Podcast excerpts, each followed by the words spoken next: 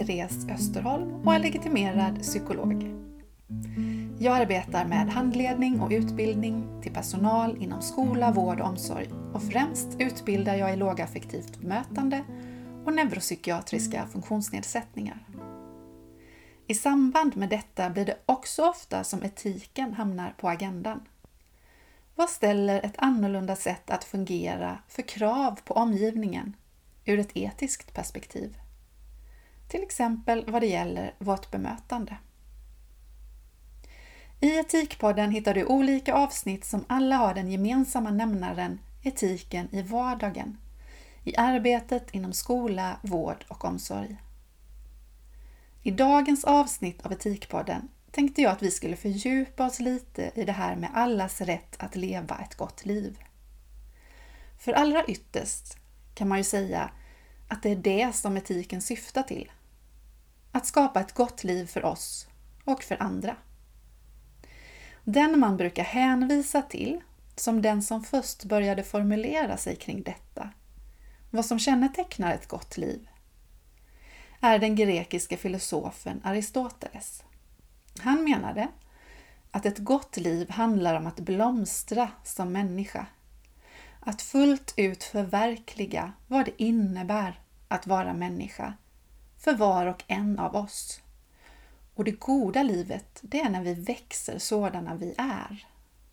Men, menade Aristoteles, det här är ingenting som sker i isolering. För vi behöver varandra och vi måste leva i gemenskap med andra. Så detta är en fråga som berör både det personliga och det politiska, som Aristoteles uttrycker sig. Det samhälleliga. Att Aristoteles själv kom till slutsatsen att det allra bästa livet är ett liv som filosof. Det tänker jag faktiskt lägga åt sidan och istället fokusera vidare på detta med vikten av att ta reda på vad som är någon annans goda liv och att möjliggöra ett sådant liv. Först och främst har vi genom våra olika lagar och konventioner, som till exempel FNs deklaration om mänskliga rättigheter, liksom om vi knyter an till arbetet med personer med neuropsykiatriska funktionsnedsättningar, FNs konvention om rättigheter för personer med funktionsnedsättning eller lagen om särskilt stöd till vissa funktionshindrade. En grund att stå på och som innebär att alla har rätt till sitt liv, till frihet, till integritet och självbestämmande. Så det är grunden. Och den kan kännas självklar.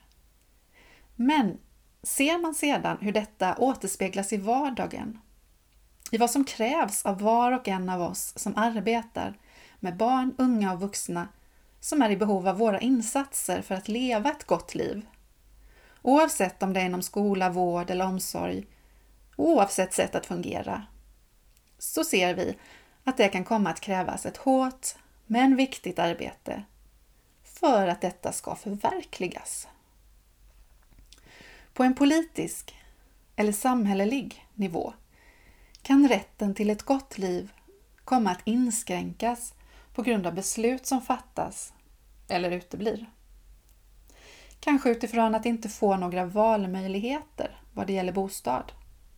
Eller utifrån att inte ha någon ekonomisk trygghet eftersom arbetsmöjligheterna förändras månad för månad. Eller utifrån att en helhetsbild saknas kring personen som är i behov av olika insatser och som resulterar i att en insats tillkommer samtidigt som en annan dras in utan att någon ser hur detta leder till sämre livskvalitet för personen i fråga. Och när sådant sker behöver det belysas, för detta handlar om rätten till ett gott liv. Ett dagsfärskt exempel på detta är SVTs granskning av cirka tusen domar vid Sveriges alla förvaltningsrätter under nästan två års tid och som visar hur domstolarna underkänner Försäkringskassans beslut att avslå aktivitetsersättning till personer med funktionsnedsättning i hela 23 procent av fallen. En stor mängd personer mellan 19 och 29 år fick alltså inte den aktivitetsersättning de hade rätt till. På en personlig nivå, i arbetet på golvet med barn, unga och vuxna, krävs det ibland ett grundligt detektivarbete för att få fatt i vad som kännetecknar personens goda liv. För ord som frihet, integritet och självbestämmande behöver ju omvandlas till en konkret verklighet. Att ha ögonen för vad personen verkar må väl av, bli glad och lycklig över, blir engagerad och uppfylld av och visa nöjdhet kring är definitivt ett jobb som inte får glömmas bort. Men det är lätt hänt. I skolan är fokus på att nå målen. Inom vården rätt behandling. Och i omsorgsarbetet att skapa en vardag som flyter på. Men det räcker inte om vi ska tänka på att vi som möter barn, unga och vuxna större delen av deras vardag faktiskt är en del av det som utgör deras goda liv. Vi spelar en roll i detta, oavsett om vi vill det eller ej. Och det kan jag se som ett etiskt ansvar att bära i alla arbeten där personer är beroende av våra insatser och definitivt också att reflektera kring och arbeta mot när vi utgör en större del av den här personens vardag. Och när vi är en del av någon annans goda liv behöver vi utgå från den andres perspektiv. Det här kan vara en riktig utmaning. Ibland gällande att få fatt i vad den andra verkar må väl av, bli lycklig av och så vidare. Det kan komma att krävas observationer, kartläggningar, samtal med kollegor och anhöriga, om det inte går att höra med personen själv förstås. Men ibland handlar utmaningen om vad man sedan får veta gällande det som utgör personens goda liv. Att hantera att detta är vad vi ska främja. För till exempel, det kan verka så futtigt för en själv. Som att gilla att prassla med omslagspapper. Ska vi inte ordna ett stort kalas istället, kanske någon tycker? Vore inte det roligare? Eller så kan det gå helt emot vad man själv tycker är det rätta. Som att dricka öl till maten en vanlig tisdag. Det ska väl bara drickas vid festliga tillfällen. Och kan vi tillåta den som har en funktionsnedsättning att dricka alkohol? Är det verkligen rätt? Kan man också få höra. Men mitt eget, privata, goda liv får aldrig vara måttstocken i det professionella arbetet med någon annans goda liv. Och ett moraliserande över vad som är någon annans goda liv, att se snett på den andres preferenser, går inte ihop med att arbeta personcentrerat. Jag behöver ta reda på vad som är den andres goda liv och arbeta för att möjliggöra detta. För utan det arbetet kommer den andre kanske aldrig någonsin kunna leva sitt goda liv.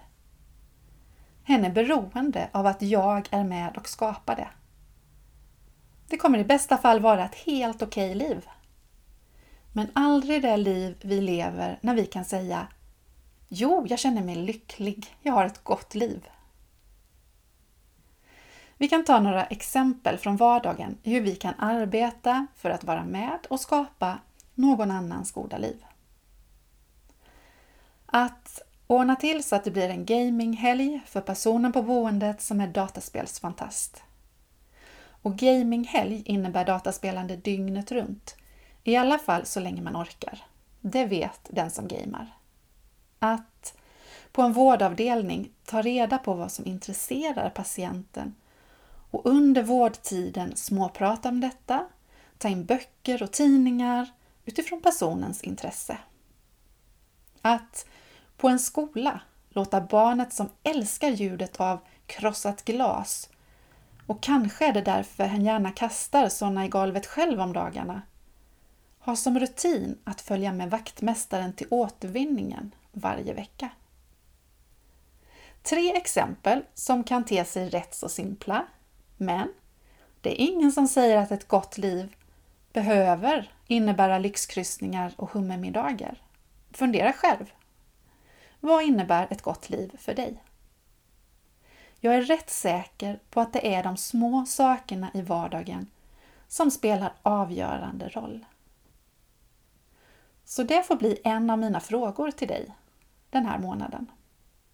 De andra är Hur kan du ta reda på vad som är ett gott liv för den person du arbetar med?